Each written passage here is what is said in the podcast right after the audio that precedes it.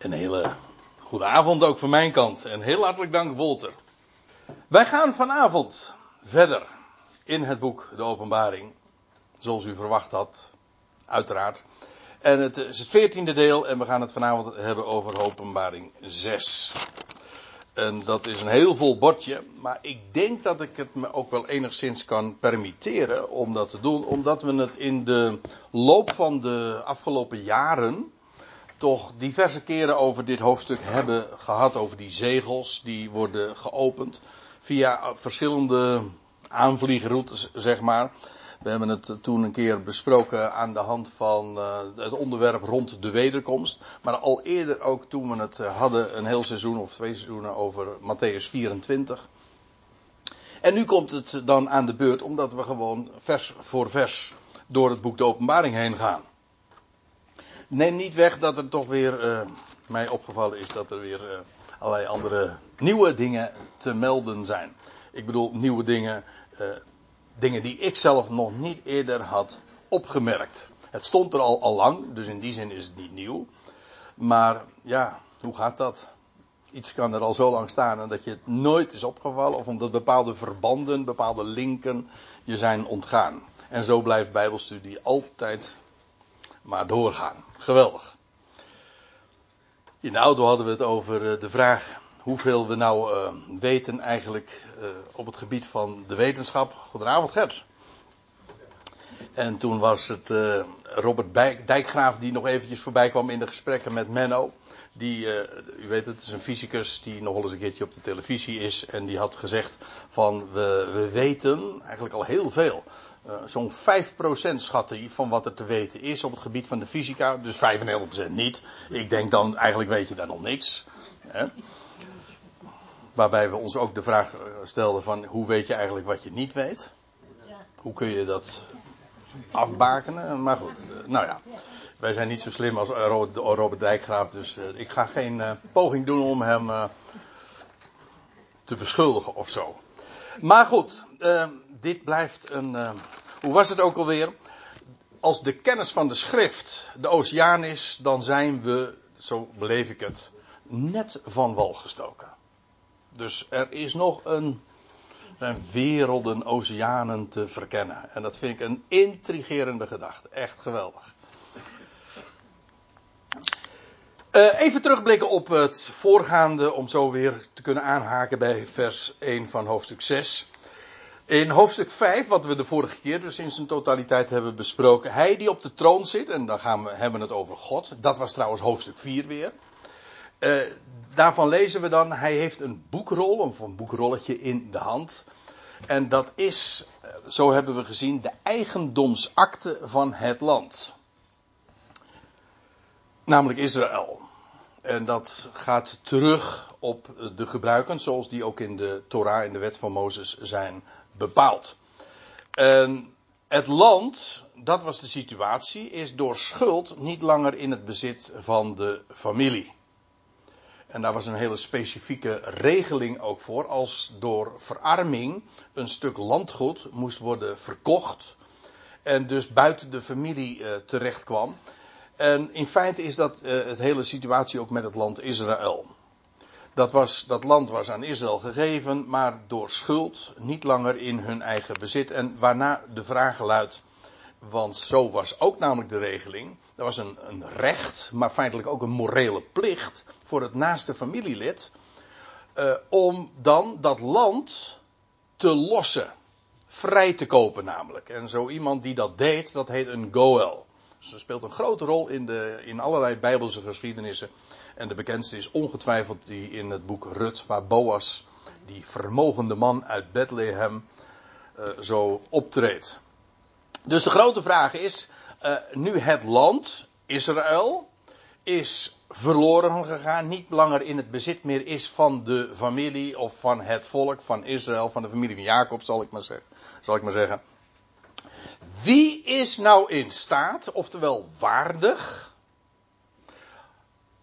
Wie kan de waarde overleggen? Het geld. Wie kan het kopen? Wie kan het loskopen? Uh, om dat land weer terug te kopen. En dan is het antwoord, en ik ga eigenlijk een beetje nu snel door dat hoofdstuk heen. de grote vraag is, en er blijkt er niemand te zijn, en dan, lees je dat Johannes zeer weent. Want ja, dit zou toch wel een hele tragische afloop zijn van de hele, van de hele geschiedenis.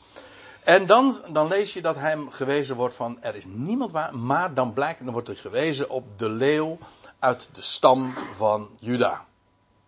Dat wil zeggen de koning, die uit die stam uh, voortkomt, voortgekomen is.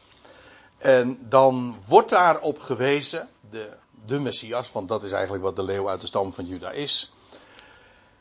En dan kijkt Johannes en wie ziet hij dan, of wat ziet hij dan? Dan ziet hij een lammetje.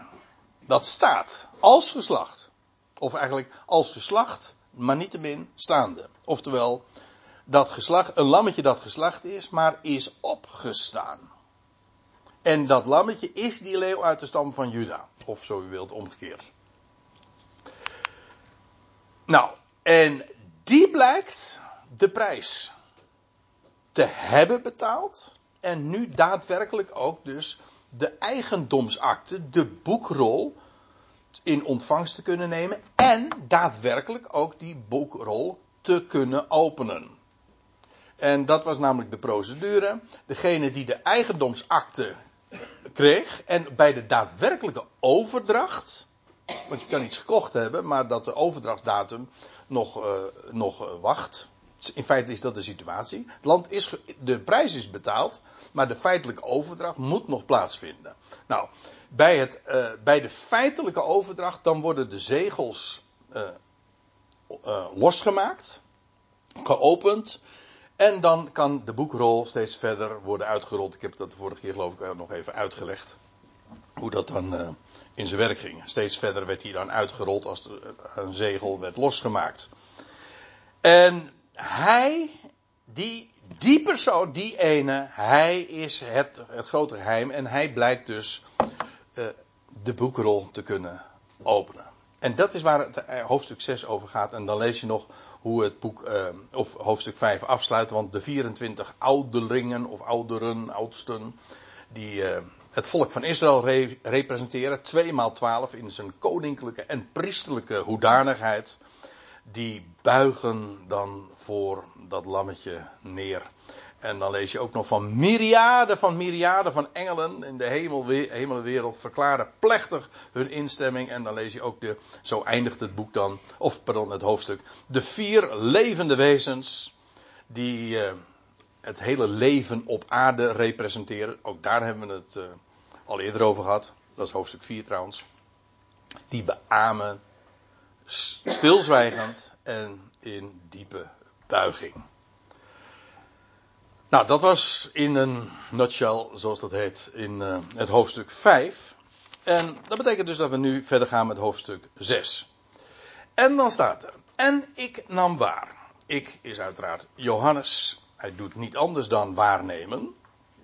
Hij liet zijn ogen en oren en al zijn zintuigen goed de kost. En ik nam waar. En dan staat er, toen het lammetje één uit de zeven zegels opende Kijk, in feite waar het in dit hoofdstuk over gaat, is nog niet, is van een heel andere orde, laat ik het zo zeggen. Is van een heel andere orde dan wat je later leest over de bazuinen die worden geblazen. Of de schalen die over de aarde worden uitgegoten, over de wereld worden uitgegoten. Dat zijn echt gerichten. Hier is geen sprake zozeer van gerichten. Hier is sprake van een eigendomsoverdracht uh, of van de, de boekrol die geopend wordt. Zodat het land in bezit genomen kan worden. En feitelijk, die zeven zegels zijn even zoveel fases als, of stappen, zo u wilt, naar de inbezitneming van het land. Meer dan dat ik uh, voorheen zag, is me nu inmiddels wel eigenlijk zo duidelijk geworden als wat, dat uh, het hier inderdaad gaat over het land Israël. Hoofdstuk 6 gaat over het land. Israël. Pas in, uh, als het gaat over de bezuinen en nog veel later over de daarmee synchroon lopende schalen. Ik bedoel, de zeven bezuinen lopen dan weer synchroon met de zeven schalen. Daar hebben we trouwens ook al een keer over gehad. De eerste bezuin is de eerste schaal, de tweede bezuin is de tweede schaal, et cetera. Maar die zeven zegels gaat, die, die bezuinen, dat gaat over het, uh, de triomf over de volkerenwereld. Hoe de volkerenwereld onderworpen wordt aan de koning. Maar de zegels gaan over hoe eerst Israël in bezit genomen wordt. En vanuit Israël gaat het dan vervolgens over de hele volkerenwereld. Dat is buitengewoon belangrijk. Ik kan het niet genoeg benadrukken. Uh, om het boek Openbaring te verstaan. Die chronologie ook. De zeven bazuinen zijn gebaseerd op de zeven zegels. Eerst de zeven zegels. En dan is er als het ware een soort van bruggenhoofd ontstaan. Want dan is Israël bevrijd.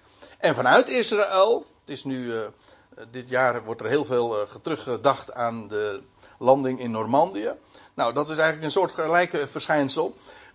Wat je 75 jaar geleden had. Toen de, de, de Engelsen en de Amerikanen hier, uh, in Europa eerst een bruggenhoofd nodig hadden. En dat ze eerst een, een, een stuk hadden om van waaruit ze dan vervolgens de rest van Europa konden gaan bevrijden. Nou, feitelijk is hoofdstuk 6 zo'n uh, zo'n Normandië-actie, zeg maar D-Day. Namelijk, Israël moet eerst in bezit genomen worden. En vanuit is, als dat eenmaal het geval is, ja, dan gaat het over de, over de rest van de wereld. Maar dat is het bazuinenverhaal. Dus dit is, als dat eerste zegeltje open gaat, of die eerste zegel open gaat, dan is dat de eerste fase op weg naar de inbezitneming van het land. Dus uh, verwar dit zeker niet met de bezuinen en later ook met de schalen van toorn. Dat is allemaal pas na het zevende zegel.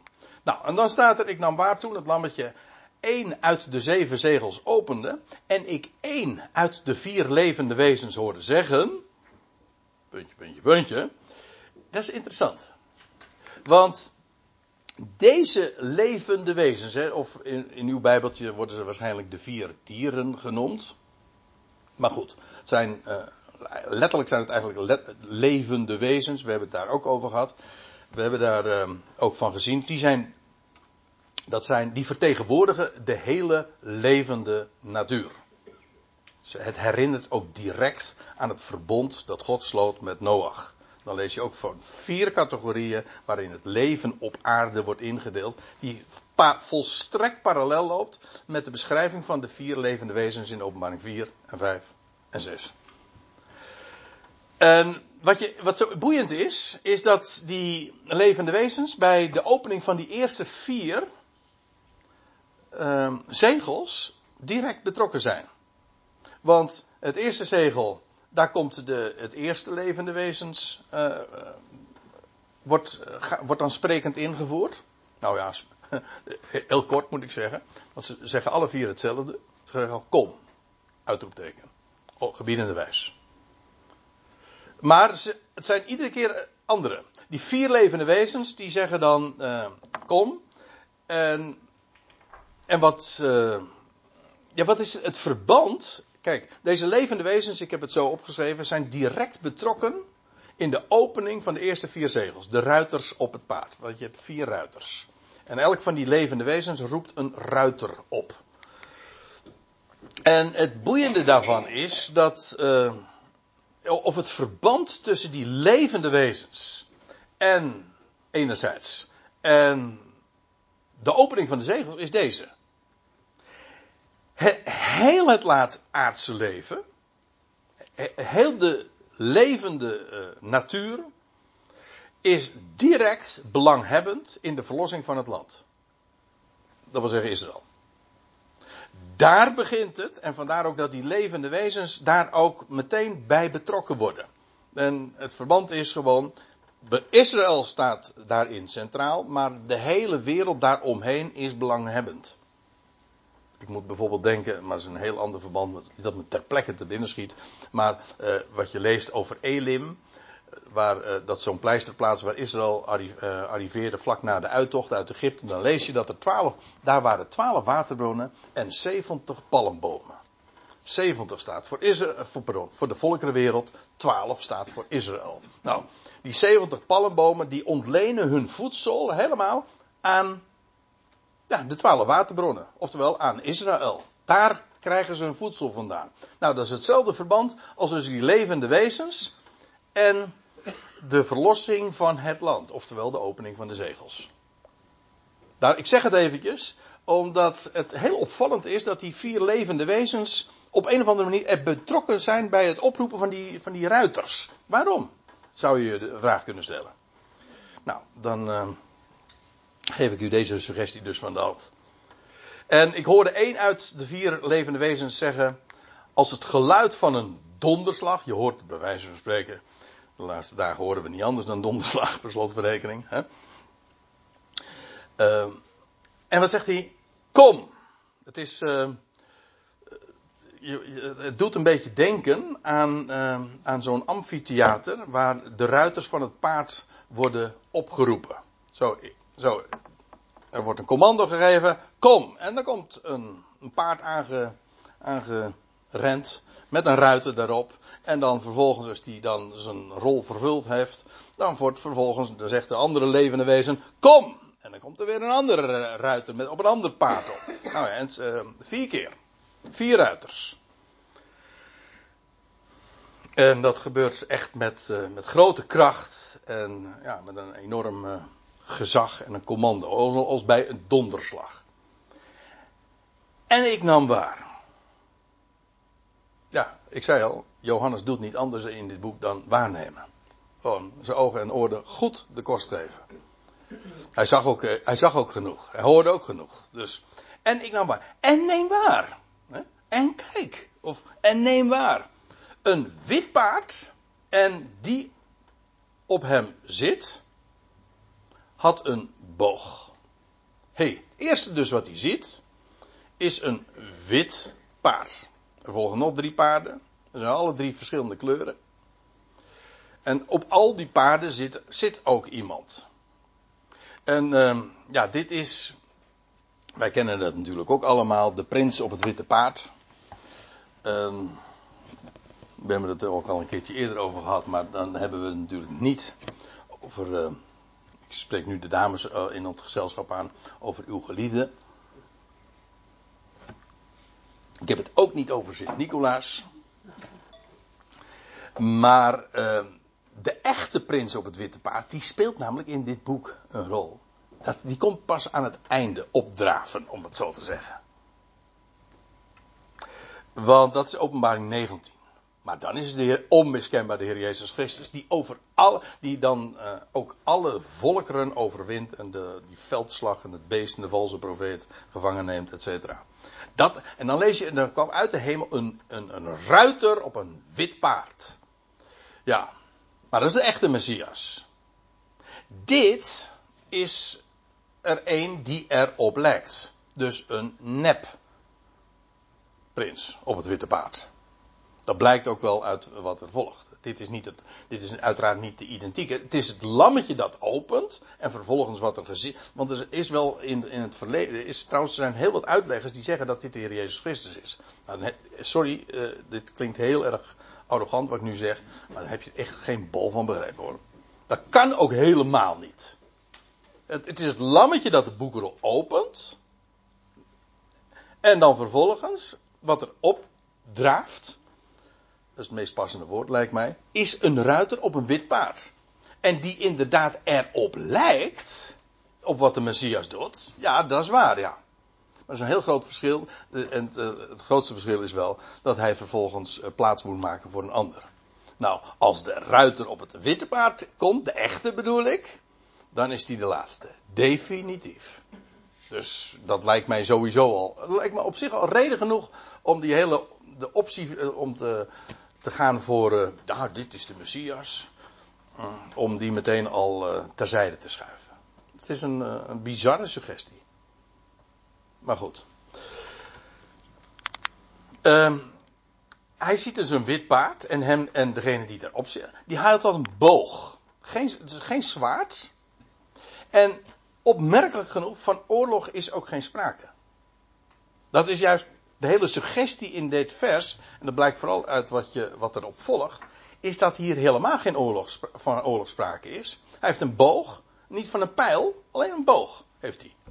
Het, er gaat misschien enige dreiging van uit, maar van, van een veldslag is geen sprake. En er staat er ook bij, en aan hem werd gegeven een lauwerkrans. Ja, een kroon, nee, een lauwerkroon. Hij wordt dus gelauwerd vereerd.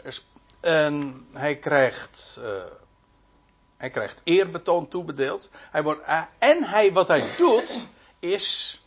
Uh, ja, u weet het, een paarden dienen. Hoe staat het? Er staat in de psalm ook ergens. Het paard wordt opgetuigd voor de strijd. Ja, dat is wat, waar paarden vooral voor dienen. Ja, bij ons niet meer zozeer, maar dat is van origine in ieder geval de gedachte. En hier aan die ruiter wordt, staat erbij. En hem werd gegeven een lauwerkrans. Hij ging uit. Overwinnend en om te overwinnen. Hij had, een, een boog in zijn hand. Maar van strijd is geen sprake. Maar hij verovert wel. Hij maakt, hij, hij, want er staat, hij overwint. En dat was trouwens ook zijn hele bedoeling, want hij kwam, hij, over, hij was overwinnend en ook om te overwinnen. Dat was, dus hij heeft een enorm succes. Hij krijgt eer, hij verovert, hij maakt. Ja, nou ja, dit is. Uh, ja, wie is hij? Dit is precies de tijd die we ook in een ander verband al veel eerder zijn tegengekomen. Bijvoorbeeld in Thessalonica. Dat Paulus ook zegt, ja, die tijd voor de grote verdrukking. Voordat die mens van de wetteloosheid zich in de tempel gaat zetten. En dat die gigantische uh, verdrukking zal inleiden daaraan voorafgaand zal een periode zijn, gaan van, van vrede. Dat iedereen zal zeggen: Wauw, geweldig. Dit is messiaans. En zo misleidend als de pest. Maar dat is de derde paard trouwens. Ja. Heel, dat is trouwens ook een van de dingen die, waar, de, waar Jezus in de, uh, op de Olijfberg ooit al voor waarschuwde. Dat er valse Christussen, uh, ook profeten, maar ook een valse Messias zich zou aandienen. En dat iedereen zou zweren van dit is het beloofde herstel. Een eredienst weer in Jeruzalem, een, een, uh, een tempel daar weer en een, een vrede daar in het Midden-Oosten. Geweldig. Dit is, heeft alle trekken van de Messias. Ja, precies. Nou, vandaar ook dat hij daar zo sprekend op lijkt. En dat als je niet weet wat er staat geschreven, ga je absoluut voor de bijl, want je wordt, je wordt misleid. En dat is hier ook aan de, uh, aan de orde, want hij heeft enorm succes. En uh, hij brengt uh, iedereen aan zijn voeten. Vandaar die lauwe krans. Hij ging uit om te overwinnen en overwinnend en om te overwinnen. Dat is die, die tijd. Ja, er is veel meer over te zeggen dan dat ik nu doe. Maar we bespreken openbaring 6. Dus we laten gewoon de verschillende stappen, de verschillende fases, de verschillende openingen van zegels. Uh, de revue passeren. En we, nou, ik volg gewoon maar vers voor vers. Uh, zoals Johannes het ook waarneemt. En hoe, die, hoe daar een opeenvolging is. En uiteindelijk eindigt het dan, ja, uiteraard in de opening van het zevende zegel. Dat is trouwens het volgende keer. Waar we uh, dat we het daarover zullen hebben. We bespreken vanavond maar zes zegels. Oké, vers 3. En toen hij, en dat is dat lammetje, want dat was de enige die daarvoor waardig was om dat te doen. En toen hij het tweede zegel opende, hoorde ik het tweede levende wezen zeggen: Kom! Die zegt dus exact hetzelfde als die, het eerste levende wezen. Maar ook nu zegt hij weer: Kom. En nou wordt er weer een nieuw paard. Of een, of een nieuw paard, of een ander paard uh, opgeroepen. Kom. En een ander paard ging uit. En die had een heel andere kleur. Die was vuurrood. En dat uh, klinkt erg. Uh, en dat ziet er heel onheilspellend uit. Rode paarden zie je sowieso niet zoveel. Maar uh, ja, goh. U zegt van ja, maar dit is symboliek. Ja, maar oké, maar juist rood, vuurrood, is dan in dit geval ook uh, heel veelzeggend. Want het is namelijk de kleur van bloed. Echt. En die associatie, uh, die verzin ik niet. Uh, want die, die dient zich gewoon in ditzelfde vers ook aan. En dan staat er. En aan hem die daarop zit, dus die tweede ruiter, werd gegeven de vrede weg te nemen van het land. Goedenavond. Um, ik zei al, het loutere feit dat hier nu sprake is van de vrede die wordt weggenomen, geeft dus aan dat die eerste ruiter de vrede brengt. Succesvol. Ik bedoel, dat is gewoon een kwestie van begrijpend lezen. Dat kon je al opmaken uit de beschrijving van dat paard zelf en degene die erop zat en wat hij doet. Maar nu wordt, worden we daarin bevestigd, want nu staat er. En, en dit, deze tweede ruiter, die krijgt. Uh, krijgt het vermogen, of die krijgt de volmacht, of hoe dat ook maar heten mag. Uh, om de vrede weg te nemen. Dus die, de vrede die aanvankelijk door de eerste ruiter op het witte paard was gebracht. De vrede weg te nemen van het land. Ja, nou moet ik even iets toelichten wat ik al vaker heb gezegd, maar in dit verband moet ik het zeker nog eens even daarover hebben. Want uh, ik, ik heb hier vertaald uh, in deze vertaling het land.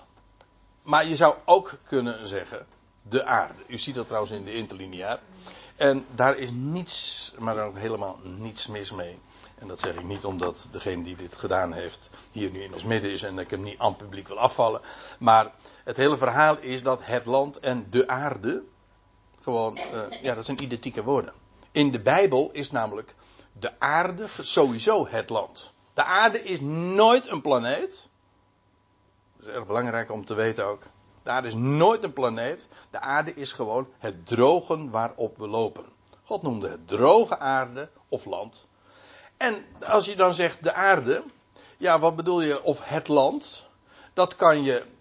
Het is altijd dus het land, maar dan uh, kan dat zijn het land in het algemeen. Al het land, al het drogen. Maar in de Bijbel is dat ook heel dikwijls heel specifiek.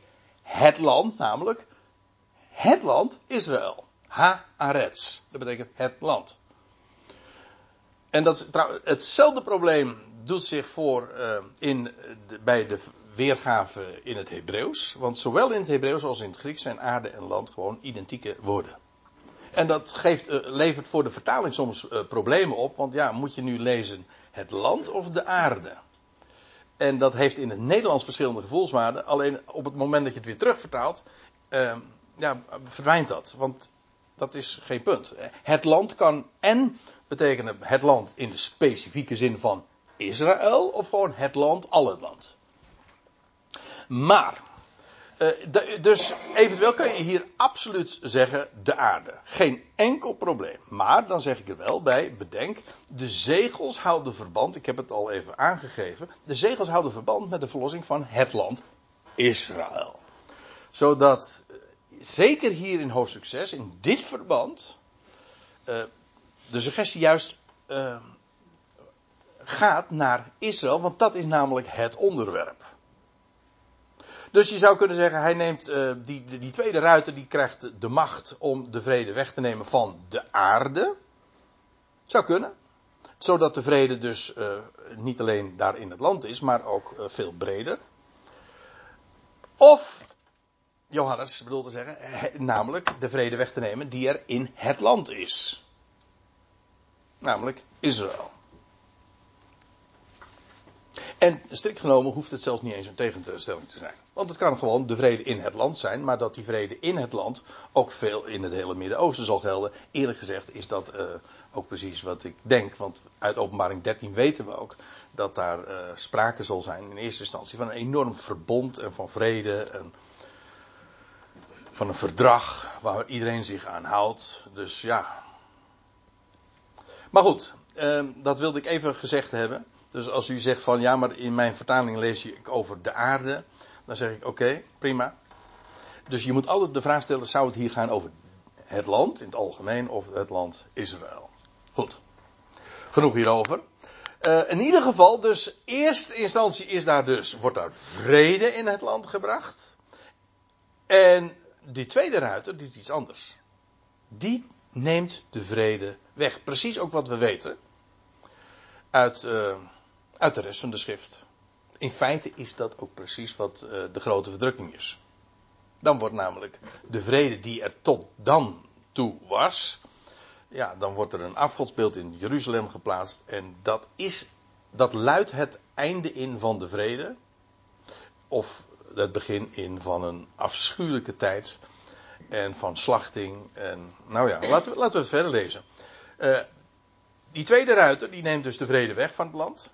Uh, dat men al, en dat men elkaar zou slachten. Dus als ik het lees zoals het zich aandient, dan betekent dit gewoon een burgeroorlog. Dat men elkaar dus afslacht. Ja, slacht, afslacht. Maar dat is ook wat we weten. Toen we het over Matthäus 24 ooit hadden, toen hebben we ook gezien dat er een enorme interne verdeeldheid in het land, ik bedoel Israël, zal komen. Uh, u zegt dat is er nu ook al. Ja, maar men slacht elkaar nog niet af. Dat gaat dan wel gebeuren. En dat men elkaar zal verraden en families zo uiteengescheurd en dat er echt complete oorlog zal ontstaan. In het land. En dat zij die eh, niet al in eerder zijn gevlucht, namelijk naar de woestijn. Ja, je moest vluchten voor, uh, op het laatste moment als het afgodsbeeld eh, in Jeruzalem geplaatst wordt. Dat is het laatste moment dat je nog kan vluchten. Als je, daarna, als je dan nog niet gevlucht bent, ja, dan ben je te laat. En dan, word je dus, dan kan je zomaar slachtoffer worden. En er zullen velen vallen door het zwaard. Er staat er ook bij. Uh, nou, in ieder geval, de vrede wordt weggenomen en men, men gaat elkaar slachten. En aan hem staat er, die ruiter, werd een groot zwaard gegeven. Dat is dus oor, echt oorlog.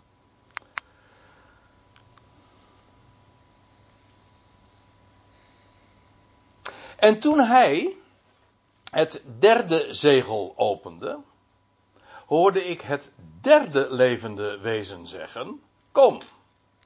Ziet het? Eerste zegel, eerste levende wezen, tweede zegel, tweede levende wezen, derde zegel, derde levende wezen. Nou, uh, simpel. Maar ook hier weer, kom. En dan weet je eigenlijk al wat er gaat gebeuren. Dan gaat er weer een ruiter opdraven. En ik nam waar. Johannes blijft waar. En ik nam waar. En neem waar. Het staat heel gek, maar ik vertaal het zoals het gewoon in het Grieks staat. En, ik, en neem waar. Een zwart paard. Nou, dat is weer niet zo gek. Wit en een zwart paard, dat kan. Ook voor ons. Hè. Een zwart paard. Hoezo? Want het gaat natuurlijk hier. Het gaat niet om een echt paard, niet om een echt ruiter. Het gaat. Uh, uh, maar het gaat om de symboliek daarin. En wat het vertegenwoordigt. En zwart is. Nou ja. Daar hoef je helemaal geen uh, groot kenner van de typologie van te wezen. Maar we weten allemaal dat zwarte kleur is van de dood. En daarmee ook van rouw. Om de dood. En het is een zwart paard. En dan staat er nog bij, en hij die daarop zat, die op dat zwarte paard zat, die had een weegschaal in zijn hand. Dus een symbool wat we ook in het boek Zacharia tegenkomen. En die weegschaal is altijd een symbool van de economie. Waarbij geld, en trouwens ook niet alleen geld en goud, geld is goud trouwens, strikt genomen, gold, geld, en wordt gewogen, maar ook de, de handelswaar wordt gewogen. En vandaar dus dat het een embleem is van handel, voor oudsher. En eh, die, die ruiter op dat zwarte paard, die heeft dus in zijn hand een weegschaal. Als embleem van de economie. Dat blijkt ook wel, want dan staat er vervolgens. En ik hoorde als een stem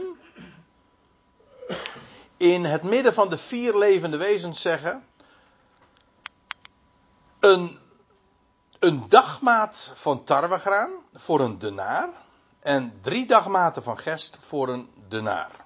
Nou, moet je eerst even weten, wat is een denaar? Dat is een, betaal, dat is een betaalmiddel, een, nee, een munt in de, in de Bijbel. In het Nieuwe Testament vind je, eh, lees je heel vaak over een denaar. Hoe wordt dat in uh, eh, MBG altijd weergegeven? Volgens mij een schelling, toch? Ja, oh ja, natuurlijk. Ik zie het hier. Een schelling.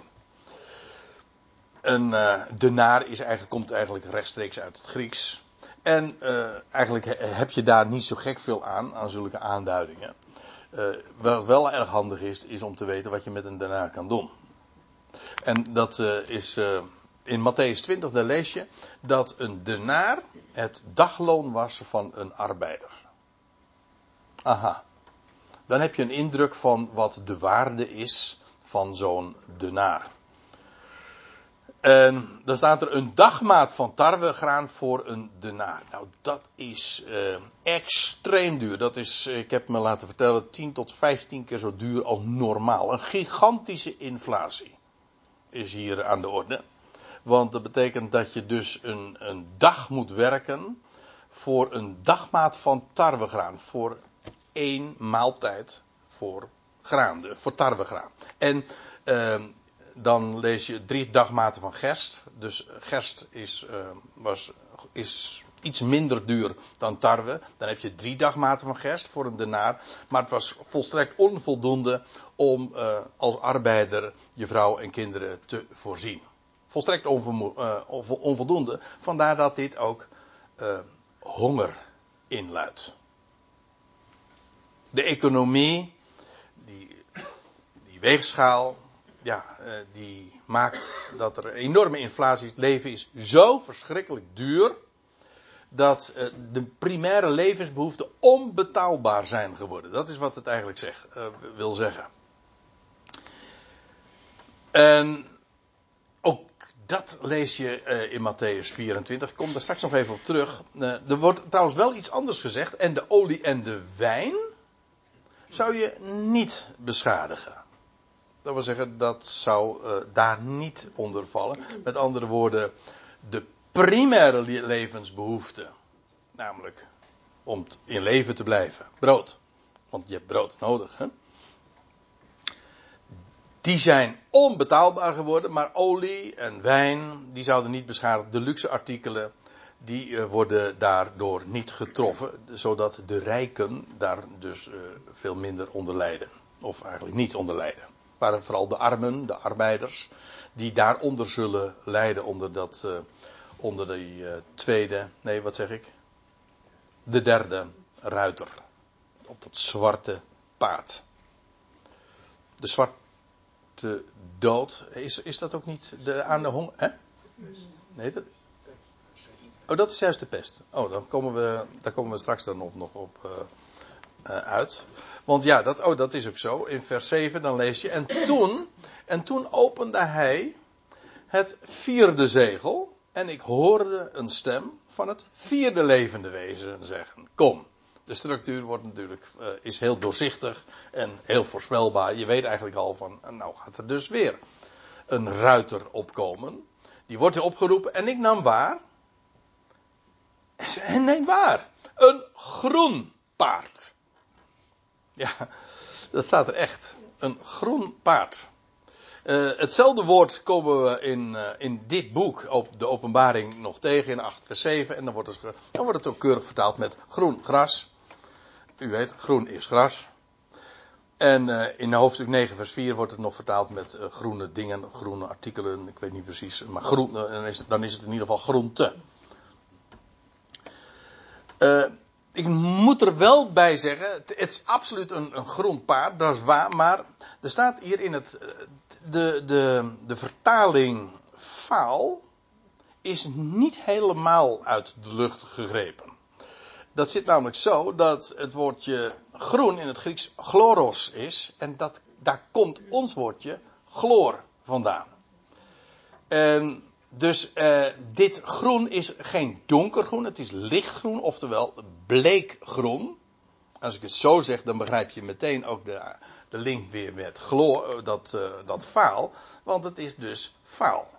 Het, want dat is wat chloor ook uh, inderdaad doet. Het maakt faal, bleek. En hier ook lijkbleek. Dus het is, ehm, je, hoe zeg, we, we kennen toch ook zoiets als je bent groen als ja, groen als gras, nee.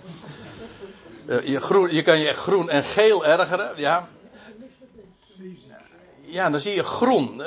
Eigenlijk als, uh, dan heb je een lijkkleur gekregen. Oh, dan ben je zeeziek, dan ben je groen. Oké, ja, ik heb, ik heb die ervaring nooit opgedaan. En dat, die, dat wou ik zo houden ook eigenlijk. Dus uh, het idee is, het is, het is bleek grond, en vandaar ook wat uh, dat uh, faal en bleek. Ons woord bleek is eigenlijk dus ook gewoon bleken, een lijk bleek. Ja. En ik zeg dat ook omdat er vervolgens staat, en hij die erop zat, op dat groene paard dus, en hij die daarop zat, wiens naam de dood was. Nou, het wordt steeds onheilspellender, want die, dat rode paard bleek dus te maken met slachting en met bloed te maken. Maar nu uh, zien we dus dat dat groene paard en, zijn, en degene die erop zat, zijn naam was de dood. En er staat, en het dodenrijk volgde hem. In het Grieks staat daar uh, de Hades. Het onwaarneembaar. Dodenrijk is misschien een beetje een ongelukkig woord, omdat het suggereert alsof er allemaal schimmen daar uh, georganiseerd zijn en daar beheerst worden en zo. Maar dat is het idee niet. Hades betekent gewoon uh, het onwaarneembare. Als je dood bent, uh, als je eenmaal gedood bent of dood bent, ja, dan bevind je je in het onwaarneembare. Waarvan je je afvraagt, waar zijn ze? Hè? In het Hebreeuws zeggen ze dan Sheol. En dat heeft alles te maken met het Hebreeuwse woord voor vragen. Shoel. Vragen. En dat, wil zeggen een vraagteken dus. Onbeneembaar. We zien het niet. Wat is er aan de hand? Waar zijn ze? Nou, dat is, dat is het, het, Griekse woord uh, Hades. En het doden, dus de dood en het dodenrijk volgt hem. Dus eerst de dood, daarna het dodenrijk. Want ja, u, u weet het. Je sterft en daarna kom je daar in die sfeer. Hm? De dood en het dodenrijk. En aan hen, dat is dus de dood en de Hades of het dodenrijk, werd autoriteit gegeven aan hen. Dat, die ruiter, en degene die daarop volgt, die, die dat volgt. Aan hen werd autoriteit, volmacht gegeven over het vierde deel van het land. Hier doet weer zich exact hetzelfde uh, vraag dus weer voor. Uh, gaan we, gaat het hier over de aarde in het algemeen? Of in een beperkte deel? Of heel specifiek Haaretz, Israël? Ik houd het, maar dat heb ik nu al geargumenteerd. En uh, op het laatste, inderdaad, Israël. Over het vierde deel van het land. Eventueel, dat betekent nog niet eens het vierde segment per se. Het kan ook gewoon het vierde uh, deel van de bevolking van het land zijn. Uh, ja, want ik moet even doorlezen, want eigenlijk ben ik midden in de zin. Hij, gaf, hij, hij werd autoriteit gegeven over het vierde deel van het land, namelijk om te doden. Om het vierde deel van het land te doden.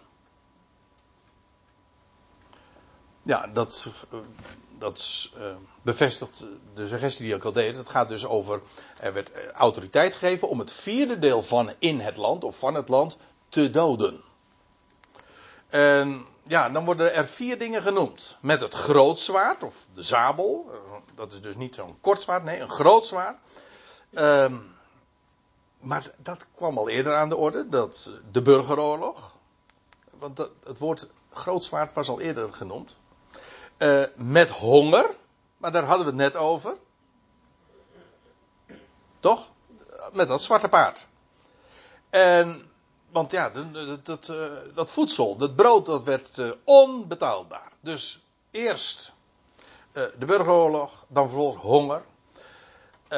vanwege het onbetaalbare brood. Met de doodspest. Hè?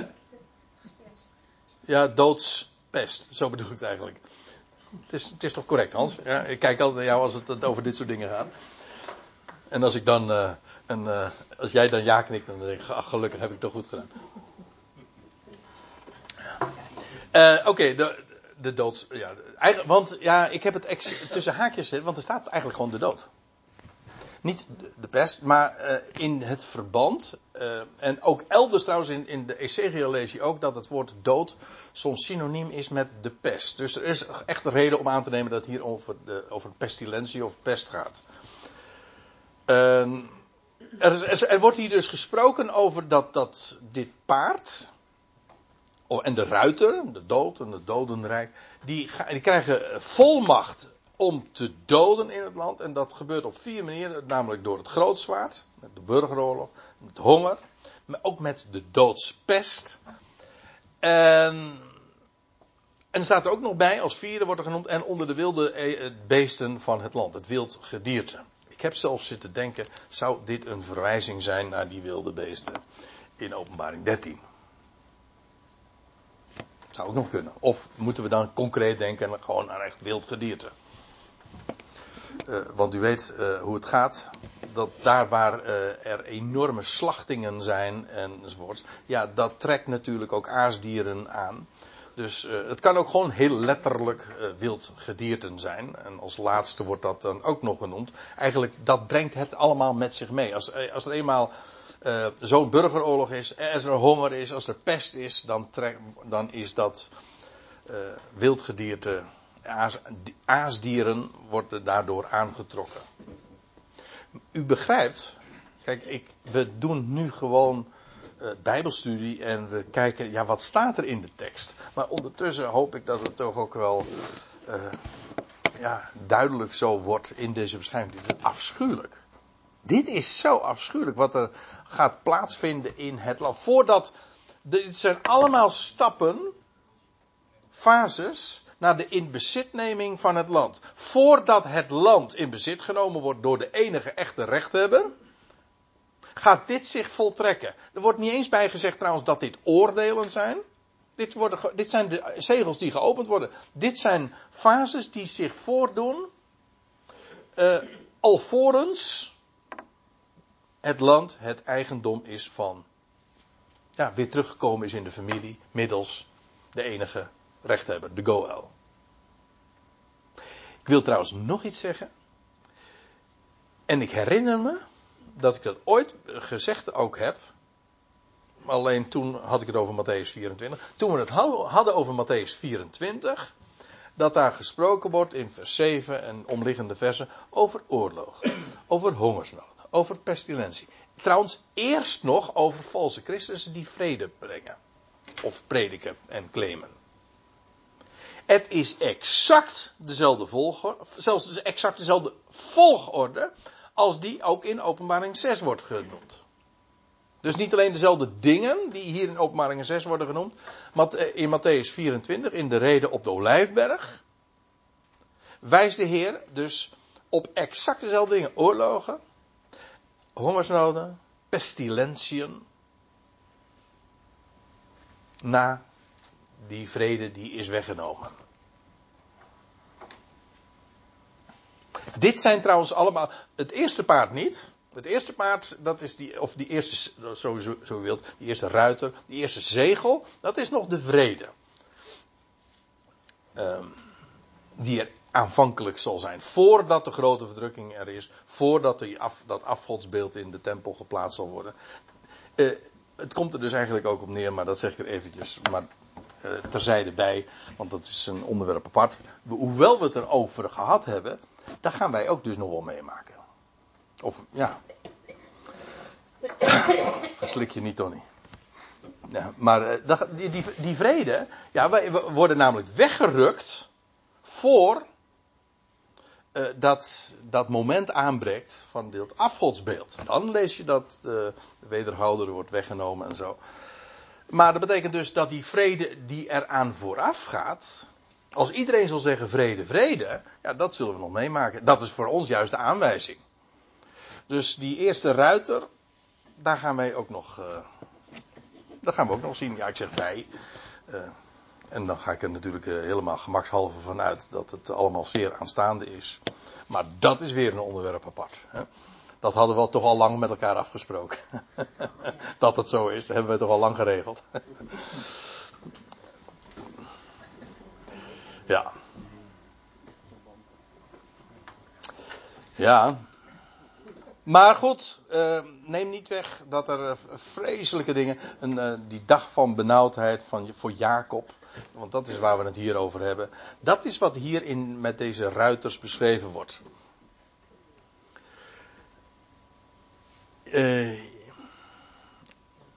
Zal ik nog een ruiter. Nee, geen ruiter. Nee, ruiters zijn er niet meer. Nou, weet je wat? Dan, gaan we, dan houden we het hier even bij. Dan gaan we eerst even pauzeren. Het is trouwens, dat het laatste wat ik erover wil zeggen. Want die zeven zegels zijn onderverdeeld in vier en drie. Dat zie je trouwens altijd in het boek Openbaring. Als er sprake is van zeven, is het altijd verdeeld in vier en in drie. En hier ook weer, de eerste vier, dat zijn vier zegels, dat zijn de vier ruiters. En nu het vijfde en het zesde en het zevende, maar daar hebben we het sowieso vandaag niet meer over. dat is weer van een andere categorie. Dus het lijkt mij ook wel een mooi moment om nu te pauzeren.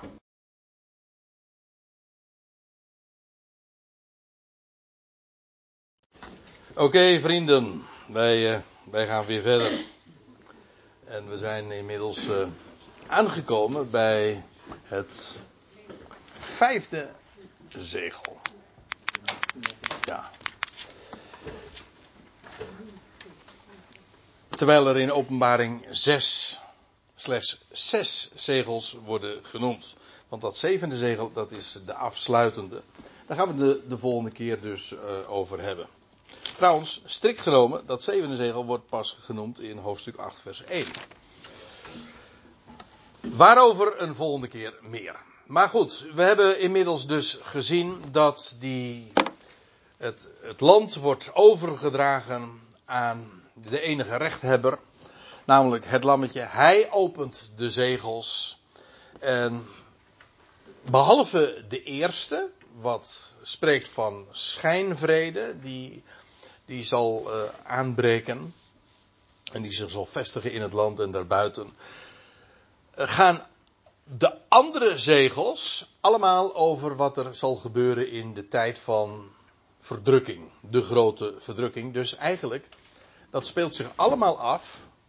En het tweede, en het derde, en het vierde, en het vijfde, en het zesde zegel. Allemaal af in 42 maanden.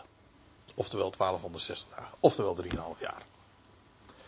Dat is de periode waar we het dus over hebben. Uh, alleen die periode van dat eerste zegel, die, dat, die eerste ruiter. Uh, dat valt daar buiten. Hoe lang dat duurt, ja, sommige mensen weten dat dat 3,5 jaar is. Dat weet ik dan weer niet. Soms door Bijbelstudie word je soms ook wel eens een keertje uh, van kennis. uh, kom je juist. Uh, vermindert je kennis. Dat kan ook, hè? Dat je dacht dat je iets wist, maar het blijkt toch net even anders te zijn. Goed. Um, het vierde zegel. Daar hebben we het over gehad. En dan komen we in vers 9. En toen hij, het lammetje, of het eigenlijk is het. Het het lammetje. Maar goed. Uh, we weten over wie het gaat. Toen het lammetje het, uh, uh, het vijfde zegel opende. Nam ik waar. Onder het altaar. Nou, wat neem je normaal onder een altaar waar?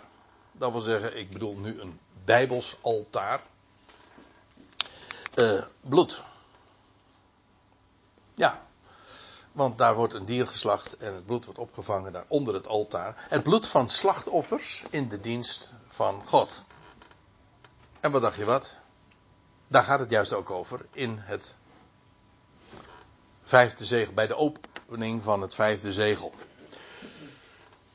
Daar worden inderdaad slachtoffers gezien, daar wordt bloed gezien van slachtoffers die in de dienst van God geslachtofferd worden. Dat zou je kunnen verwachten als je dit leest, en ik zeg het expres nu al zo, omdat dat precies ook uh, het geval is als je vervolgens de beschrijving leest. Dan staat er, toen nam ik waar onder het altaar de zielen van hen die geslacht waren. Hey, uh, maar je verwacht onder een altaar bloed te zien, letterlijk. Hè? Maar het gaat hier niet over een letterlijk altaar. Het gaat ook niet over letterlijk bloed. Wat hij ziet is de zielen van hen die geslacht worden. Maar in de Bijbel is dat sowieso synoniem. Een ziel en bloed. Want ja, hoe was het ook alweer? Uh, de stelregel, Leviticus 17 vers 11. De ziel van alle vlees is in het bloed. Zodat daar waar ziel gezien wordt, uh, dan is dat, dan wordt daar bloed gezien of vice versa de zielen van hen die geslacht waren. Maar daarover hadden we het al eerder, weet u nog, bij dat tweede, de derde uh, zegel dat geopend werd. Over een, een burgeroorlog, over slachting. Een enorme controverse in het, onder het volk. En hier lees je trouwens ook waarom ze geslacht worden. Dat staat, staat er gewoon expliciet bij. Namelijk vanwege het woord van God. En vanwege het getuigenis dat zij hadden. Feitelijk is dat hetzelfde. Want ja, het getuigenis dat ze hadden, dat is het woord van God. en daar getuigden zij van. En dat hebben ze met de dood moeten bekopen. En zij zijn dus geslacht. En Johannes ziet in beeld, in symboliek, uh, die zielen daar. En we hadden het er al eventjes uh, in de pauze nog even over. Dat we, we weten natuurlijk, dat, daar hebben we het al uh, meer dan eens over gehad. Dat op het moment dat het afgodsbeeld in Jeruzalem geplaatst zal worden en de, de offerdienst gestaakt zal worden, dat is het uiterste moment om nog te vluchten naar de woestijn. Degenen die in die woestijn uh, een plaats hebben gevonden, een onderduikadres, uh, die worden daar gedurende 1260 dagen verzorgd en ook beschermd. Hen overkomt niets. Maar degenen die niet gevlucht zijn, ja, die, uh, die gaan dus de grote verdrukking, die periode meemaken, kunnen dan ook niet meer naar die locatie toe. En dan vindt nog iets punt, uh, plaats, want vanaf het moment dat het afgodsbeeld geplaatst wordt, gebeurt er nog iets. De offerdienst wordt gestaakt, zoals gezegd, maar ook vanaf dat moment gaan er twee getuigen optreden. Dat is openbaring 11. Ik loop erg eh, voor de muziek uit. Maar dat is openbaring 11. Die ook gedurende die periode zullen getuigen. En op hun getuigenis zullen er velen, hoeveel weet ik niet. Uh, ik vermoed een derde van het volk. Maar tot geloof komen. Ja, waar ik dat een derde aan ontleen, dat is dan weer het eh, boek Zacharia. Die daarover spreekt. Over een deel van het, een derde dat gelouterd zal worden. Hoe dan ook, een deel zal gedurende die tijd van grote verdrukking uh, tot geloof komen. Vanwege het getuigenis van die twee getuigen die daar uh, trouwens ook beveiligd optreden. Want ja, je zou zeggen van in het hol van de leeuw dat daar twee mannen staan en getuigen en profiteren. Hoe, hoe, hoe houden ze het uit? Ja, ze kunnen niet gedood worden. En velen zullen daar ook uh, door, het getuigenis geraakt worden. Maar dat betekent dan ook dat ze zich uh, op een heel onveilige plek uh, bevinden in het land. En hun getuigenis met de dood zullen moeten bekopen. En dat is waar het hier ook over gaat. Wat Johannes ziet is de velen, de zielen die afgeslacht zijn vanwege het woord van God. Omgekomen dus in de tijd van Israëls grote verdrukking. Vanwege het getuigenis dat zij hadden. Dan kost het echt wat hoor. Dat is, nou, dan is dat niet meer de tijd dat je met de nek wordt aangekeken omdat je iets gelooft. Nee, dan gaat er gewoon de kop eraf. Echt zo.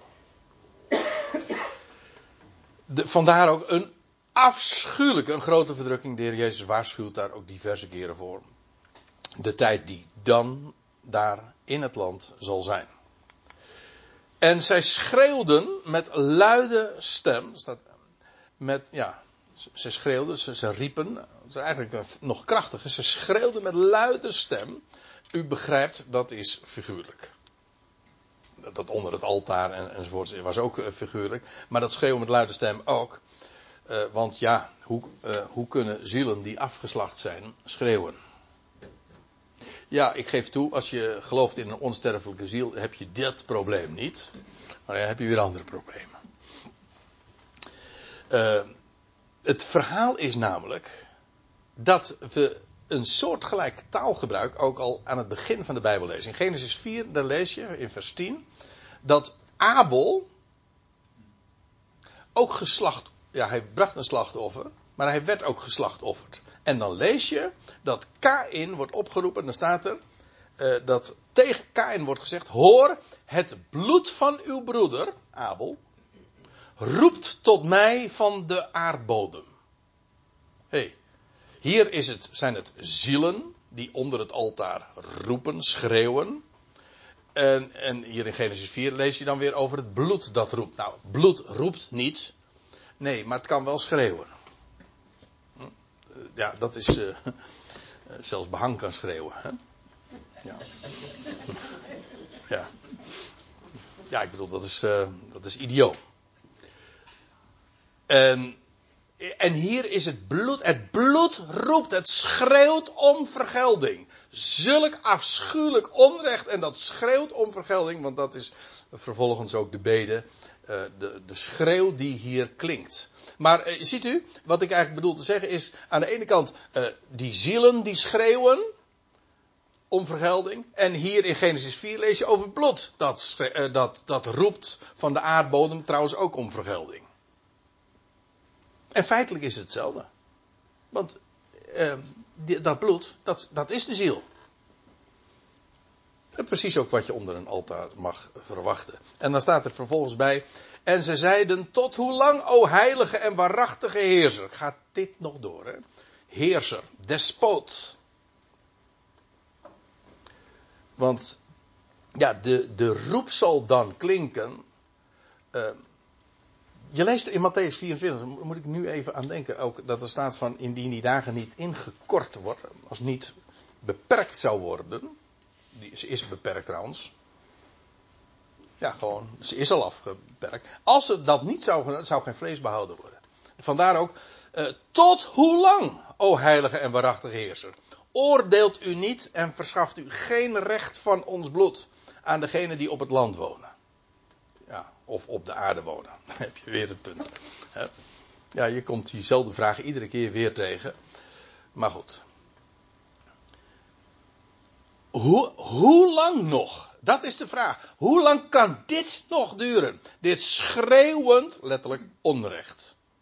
En wanneer vindt hier vergelding plaats? Wanneer wordt hier recht verschaft? Wraak geoefend? U ziet, dit is. We zijn hier trouwens ook weer echt op Israëlitische koninkrijksbodem, als u begrijpt wat ik bedoel. dat er recht verschaft wordt. Wij leven nu in de genade. Wij, dit, is, dit is niet taal die wij uh, bidden of danken of. Uh, nee. Ja, ik weet niet, uh, ik, ik weet niet wat uw, hoe uw gebedsleven is, daar ga ik ook niet over. Maar dit is niet de taal die we van Paulus leren. Natuurlijk, laat plaats voor de toren. Maar dat is. Uh, dan wordt het actueel. Hoe lang nog? Oordeelt u niet, verschaft u geen recht van ons aan degenen die op het land wonen? En aan elk van hen werd een wit gewaad gegeven. Eigenlijk een doodsgewaad. Ja, want ze waren geslacht. En ze rusten in het graf. Staat Paul achter namelijk. En uh, ja, anders zou je denken aan een spook. Hè? Toch? Aan iemand die nog geen lichaam heeft. En een wit gewaad, dan denk je aan een spook. Uh, maar het is een wit doodsgewaad. En dat wit, ja, hoezo wit? Ja, dat heeft de belofte van opstanding in zich. Als zwart de kleur is van de dood, ja, wat zou wit dan zijn? Van leven, toch? En hoezo dan wit? Nou, dat, daar zit een belofte in. Hen werd een, elk van hen werd een wit gewaad gegeven. Uh, dus pure symboliek natuurlijk, maar de sprake is volstrekt helder. Namelijk, uh, tot hen werd uitgesproken dat zij nog een kleine of korte tijd zouden rusten. Ja, ze waren geslacht. Hun bloed had gevloeid. Ze zijn dood. En zij rusten nu in het graf. En die, die kleine tijd, ja, dat is na de 42 maanden. Of om precies te zijn, na 1300, op de op de 1335ste dag. Dat is Daniel 12, wordt dat gezegd. Hebben we het ook al eens een keer over gehad. Dan vindt die opstanding plaats. Maar zo lang moeten ze wachten. Dus gedurende die tijd, een korte tijd, uh, is het. Uh, maar zo verschrikkelijk heftig. Dat het ook maar goed is dat ze zodanig beperkt is en afgemeten. Zolang moeten ze dus nog uh, rusten tot die termijn. En staat erbij tot ook het getal compleet zou zijn van hun medeslaven en hun broeders. Die op het punt staan gedood te worden, evenals zij. Dus het eind is nog niet in zicht. Er, er volgen er nog meer. Er, dit, deze bede en deze schreeuw om vers, rechtsverschaffing en wraak. Uh, ja, die vindt midden in die grote verdrukking plaats. En de vraag is dan, hoe lang nog? Nou, tot de termijn, tot die tijd die gesteld is, voorbij is. Maar tot die tijd vindt er nog, blijft de slachting voortgaan. Dat is het. afschuwelijk, maar zo staat het. Het getal eh, zou compleet zijn. Ook zij, uh, er staan er nog velen op het punt uh, gedood te worden, evenals zij. Nou, en nu denk je echt, als als de nood het hoogst is, dan is de redding nabij. Nou, dat is ook zo. Want hier in het zesde zegel krijg je de grote ommekeer. Het zesde zegel. Want wat gebeurt er bij dit zesde zegel? En ik staat er in vers 12 dit. En ik nam waar. Toen hij, of het lammetje, het zesde zegel opende, een grote aardbeving geschiedde. Dat weten we. Uh, welke aardbeving dat is. Dat is namelijk een aardbeving in Jeruzalem. Kan ik uh, het is namelijk ook de scheuring van de Olijfberg. En trouwens, dat is Zacharia 14. Maar ook de instorting van een tiende van de stad. Dat is openbaring 11. Aan het einde van het getuigenis van die twee getuigen lees je over dat, er, dat een tiende van de stad Jeruzalem. En dat het dan gaat om Jeruzalem, dat kan niet missen, want het staat bij. Het is in de stad waar al waar ook hun Heer gekruisigd werd ooit. Gewoon Jeruzalem. Geografisch volstrekt uh, bekend. En er zal een grote aardbeving geschieden. En dan staat erbij. En nou, komt het, nou komen we op hele bekende stof. Of bekend moment. Want dit markeert een heel groot uh, profetisch gebeuren. Want er staat bij. En de zon werd zwart als een haren zak. En de maan werd geheel als bloed. Nou, hoe vaak hebben we dat nou al niet gezien? En altijd weer wijst dat op dat ene moment, namelijk dat de Heer zal verschijnen op de olijfberg. Dan wordt het donker. Dan wordt de zon dus verduisterd. Uh, in Jesaja 24, ik, ik, noem, ik, we hebben ooit die, die teksten wel eens uh, langsgelopen. Doe ik nu niet. Joel 2, vers 31. Wordt trouwens door Petrus op de Pinksterdag ook aangehaald. Zacharia 14 vers 7. Matthäus 24 vers 29. Dan wordt er trouwens ook bij gezegd dat de zon haar schijnsel niet zal geven en de maan zal bloedrood zien. Bloedrood zien, ja. Hier ook. Dus ja, het kan niet missen. Het, over die gebeurtenis gaat het. En er staat trouwens in Matthäus 24 ook nog bij. En terstond na de verdrukking van die dagen zal de zon verduisterd worden en de maan haar glans niet geven en de sterren van de hemel zullen vallen, et cetera. Dan weet je, ah, dat moment. En dan staat er, dan zal het teken van de zon des mensen verschijnen aan de hemel. Ik lees, ik citeer nu vrij uit Matthäus 24 vers 29 en 30. En er zal het teken van de zoon van de Ben Adam verschijnen aan de hemel. En de stammen van het land zullen zien wie zij doorstoken hebben. Dat. Dat moment. Dat Israël oog in oog met haar Messias komt en geroepen zal hebben om hem. En dan zal hij komen. En dat is het zesde zegel. Ik vind het onvoorstelbaar. Ik las een verklaring. Uh, ik heb daar uh, heel veel uh, ook van geleerd. Dus ik, zeg, ik wil helemaal niks zwart maken. Ik vind, maar ik vind het onvoorstelbaar. Ik heb een, twee, een dubbel deel. Verklaring van het boek Openbaring van, van Willem Ouweneel. En die zegt bijvoorbeeld over die, die, de zeven zegels. Dat is allemaal nog voor de grote verdrukking. En dan, dan denk ik van. Hé?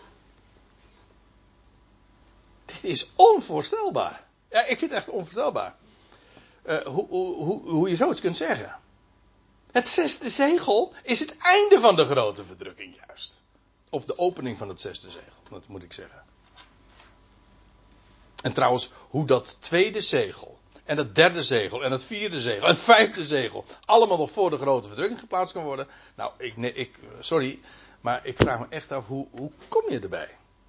Maar dat komt trouwens ook, en dat ik, want ik weet, dat ik, het kan heel goed zijn dat wat ik nu zeg uh, misschien hoogmoedig, arrogant overkomt. Maar het komt ook, en daar ben ik vast van overtuigd, omdat over het algemeen men totaal geen idee heeft van het verschil van de zegels en de bezuinen. En dat eerst Israël uh, in bezit genomen zal worden. En vanuit Israël dan het evangelie van het koninkrijk over de aarde zal gaan. In de tijd ook dat de oordelen over de volkerenwereld zal gaan. Dat onderscheid wordt nooit gemaakt. En weet u wat men doet? Dat hele eindtijd gebeuren van de gerichten plaats, vat men allemaal samen in, de, in die drieënhalf jaar. In de, in de, bij de uitleggers die tenminste de, de, de letterlijke koers volgen. En dan kom je absoluut totaal niet uit. Goed, even terug. Uh, de zon. Uh, hier, hier het zesde zegel. De zon werd zwart als een harenzak en de maan werd geheel als bloed. En de sterren van de hemel vielen in het land. Ja, wat, wat staat er? Nou, ik heb hier het citaat. Onmiddellijk echter, staat er, na de verdrukking van die dagen. Aha, dus de verdrukking is inmiddels dan voor Israël ten einde. Zal de zon verduisterd worden en de maan zal het lichtschijnsel van haar niet geven. En de sterren zullen vallen vanaf de hemel. Ik ga er dus echt van uit dat dit dus ook een kosmisch fenomeen is. Niet alleen maar van meteorenregen of zo. Nee, de sterren zullen vallen vanaf de hemel en de machten van de hemel zullen geschud worden. Dat en dan staat er, in, maar dat is vers 30, dat het teken van de zoon van de mensen zal verschijnen. En dat de twaalf stammen van, van alle einden der hemel, eh, van de ene einde des hemels tot aan het andere einde verzameld zullen worden. Dat is de verzameling van Israël. Maar dat is openbaring 7. Daar gaan we het de volgende keer over hebben. Het, het, als het eenmaal, ja sorry, eh, als het eenmaal ziet, het, klinkt heel Cruyffiaans natuurlijk. hoe, hoe zei hij het ook alweer? Je hebt het pas door als je het ziet of zoiets. Hè? Ja. ja. Nou, echt in die orde ligt het, ja. En, en, dan, en, dan vraag, en dan ga je ook vervolgens, dat is heel vaak bij ontdekkingen, dan zeg je, hoe is het in vredesnaam mogelijk dat ik het niet eerder gezien heb? Ja. Maar goed. Um, hier dus dat fenomeen. We praten hier dus inderdaad in Matthäus 24 de verschijning van de zoon des mensen en de verzameling van Israël en uh, de, de zon en de maan die haar glans niet meer geven. Nou, en bovendien de sterren die van de, uh, van de hemel vallen, die vielen in het land. Nou, dat is precies het moment dat de Messias zal verschijnen na de verdrukking. We, we weten het exact waar we het zesde zegel moeten plaatsen. Na de verdrukking. Niet ervoor, maar daarna. Oké. Uh, er staat nog bij, en de sterren van de hemel vielen zoals een, uh, een vijgenboom. Dat is trouwens ook een beeld van Israël.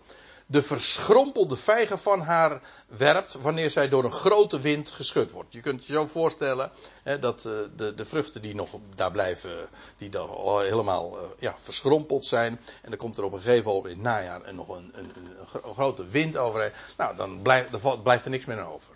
Nou, zo valt dat allemaal zo ter aarde. Dat is wat hier beschreven wordt. En dan staat erbij, en de hemel week terug als een boekrol. Die wordt gerold. Ja, nou komen we op nog een punt. Want meestal wordt hier uh, vertaald, en nu. Ik hoop niet dat ik straks bonje met Menno in de uh, auto krijg. Die heeft, op, die heeft opgerold. En, en meestal wordt het zo opgevat, maar staat letterlijk gerold. Eerlijk gezegd geloof ik niet dat hier opgerold is, maar gewoon gerold. Maar dan niet in de zin van opgerold, maar juist uitgerold. Ja, ik geef. Dat wordt nog een gesprek hoor in de auto. uh, ja, dat lijkt me heel goed. Die, die, die, die boekrol die wordt gerold. Niet opgerold, maar uitgerold. Waarom? Uh, de hemel gaat namelijk open. Zoals die boekrol open gaat, zodat men erin kan zien. Dat is juist het idee. Die hemel die wordt uitgerold. Waarom? Ja, zodat ze in die hemel kunnen kijken. Het lijkt mij heel logisch, want dat is precies wat we in de volgende verse lezen. Want degene die dan verschijnt vanuit de hemel, die zien zij. Dus ik geloof wel dat die, die, uh, die hemel terugwijkt. En, maar niet opgerold wordt als. Nee, die niet als een boekrol wordt opgerold, maar juist uh, je moet het objectief vertalen, dan is het gerold, maar in de zin van uitgerold. Zodat je kan lezen wat er in die boekrol staat. Zolang die boekrol is opgerold, ja, heb je er geen inzage in, zie je niet wat erin zit. Maar op het moment dat die boekrol eh, wordt uitgerold, ja, dan, dan kun je het lezen, dan heb je er inzage in. En dat is precies wat er straks gebeurt. Die hemel die wijkt terug en die wordt gerold. En dan kunnen mensen zo in de hemel kijken. Het is natuurlijk ook voor welke kant je kijkt. Ja. Een brug is open of een brug is dicht. Dat ja, oh ja. Ja.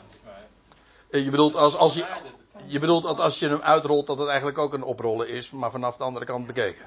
Ja, ja, ja oké. Okay. Zal je rolgordijnen opengetrokken worden en die rollen zich dan op als het ware. Dus poppenkast-effect. Ja, oh, dat is een goeie. Oh, maar dan krijgen we toch een ruzie. ja, precies. Nee, maar dat is wel wat er gebeurt, hè? Want bij zo'n uh, bij een boekrol, als je de ene oprolt, dan rol je de ander uit. Toch? Als je, je gaat. Hè? Nee, nee, het wordt geen ruzie. Nee, maar eh, eh, hoe, hoe, dat ook zij. Het idee is juist dat die, die boekrol wordt geopend. Dat lijkt mij wel van belang. Want dat is, dan, dan begrijp je ook precies wat, waarom deze vergelijking gemaakt wordt. Namelijk, zodat men inzage daarin heeft. Er staat nog bij in elke berg en eiland, ik denk trouwens ook hier weer, in het land, uh, werd van zijn plaats bewogen. Dus het heeft een enorme uh, rijkwijde. Ik denk, ik, ook hier denk ik niet wereldwijd, maar gewoon weer binnen de sfeer, binnen de scopus, zoals dat heet, van uh, Openbaring 6. Dan moet ik even doorgaan. Waar zijn wij dan weg? Wij zijn dan gelukkig een etage hoger, de, Tony. Ja. ja. Ja. Hè? Dan zijn wij uh, ja, gepromoveerd.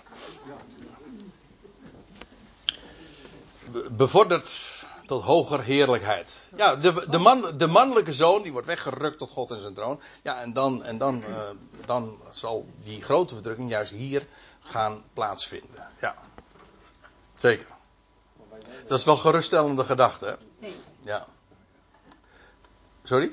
We samen met hem in heerlijkheid. Dus, ja. dus waar zijn wij Ja, precies. Ja, ja, we, ja, we, ja, we, ja, wacht even. even voor, wacht even. Ja, daar moet ik er wel bij zeggen. Want op het moment, kijk, wij worden weggerukt. Op het moment dat die, dat afgodsbeeld geplaatst wordt, dan krijg je die grote verdrukking.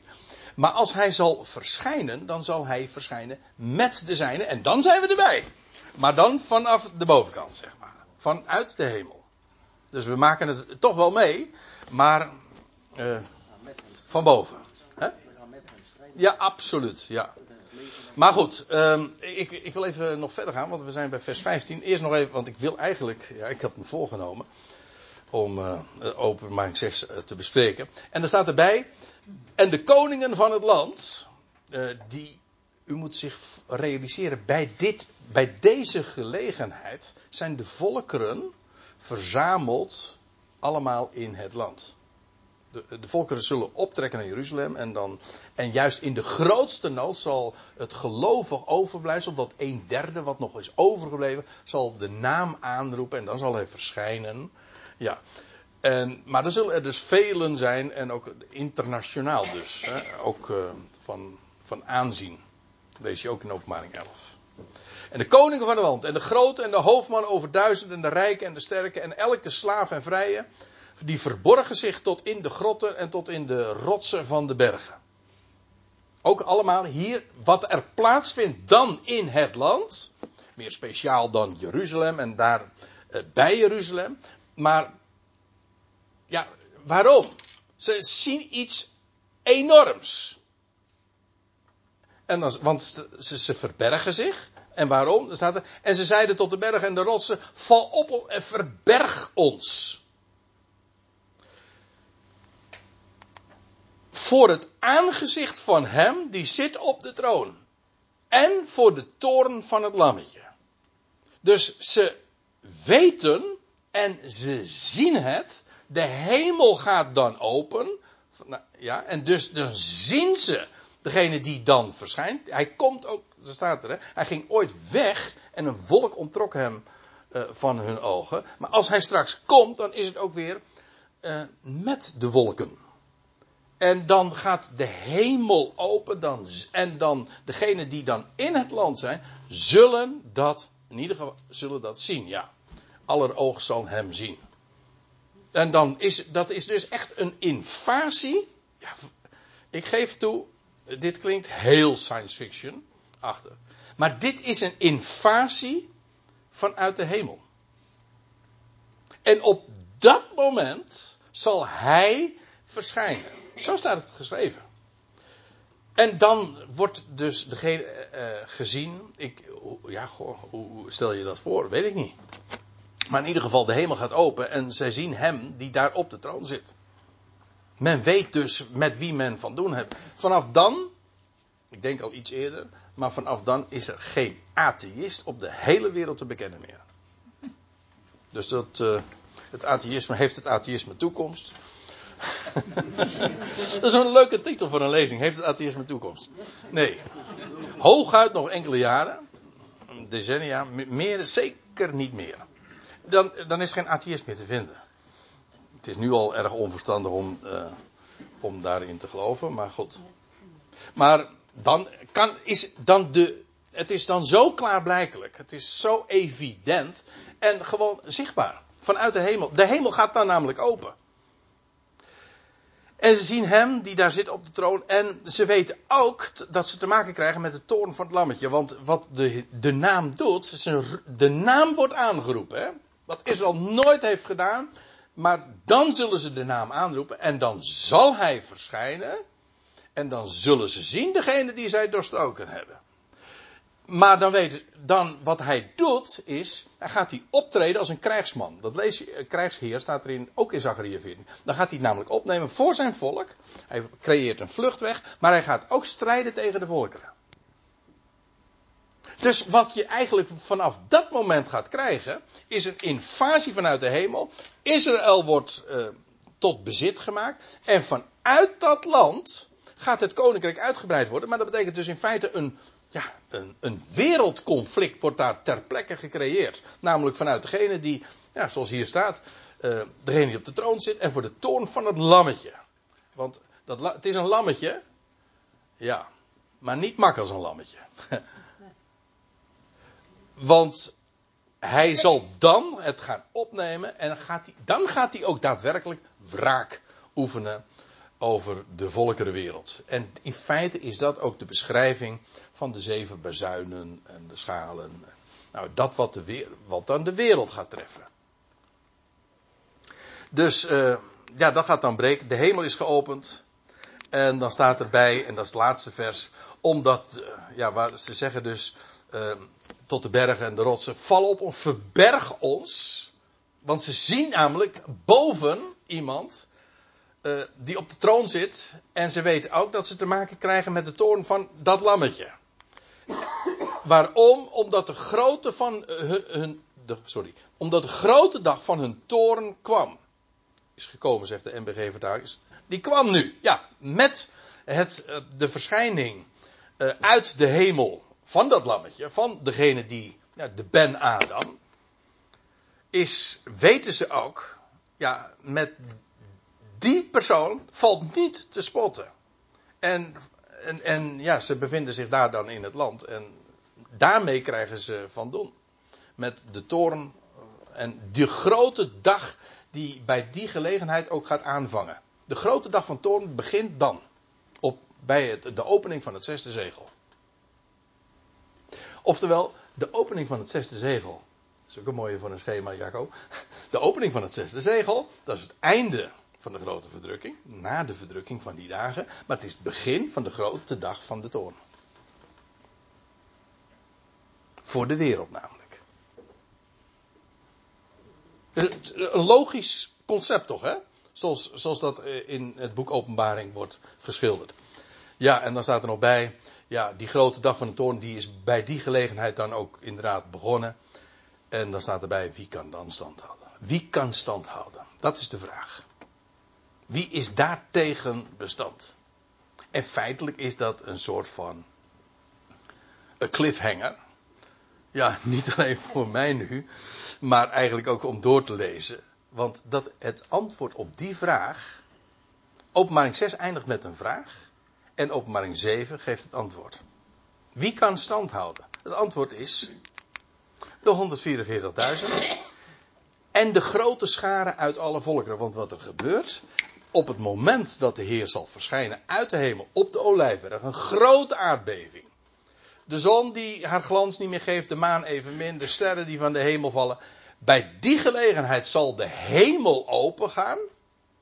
Maar dan zal de, de Ben Adam gezien worden. Ja, want hij verschijnt. Hij, dat is die invasie waar ik het over had. Hij zal komen. En wat hij dan doet, maar dat was ook Matthäus 24 trouwens, en heel wat andere plaatsen.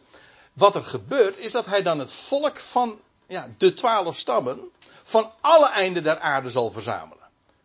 Dat wil zeggen, er wordt een vluchtweg gecreëerd voor het volk dat daar in het land is. Maar vergis je niet, het grootste gedeelte van het volk bevindt zich nog buiten de landsgrenzen. En van, van alle kanten, van alle hoeken van de aarde, uh, zullen ze worden verzameld en dat is die grote schare uit alle, uit, uh, waar uh, openbaring 7 over spreekt. En uit die grote schade, maar nou loop ik echt vooruit op voor de volgende keer.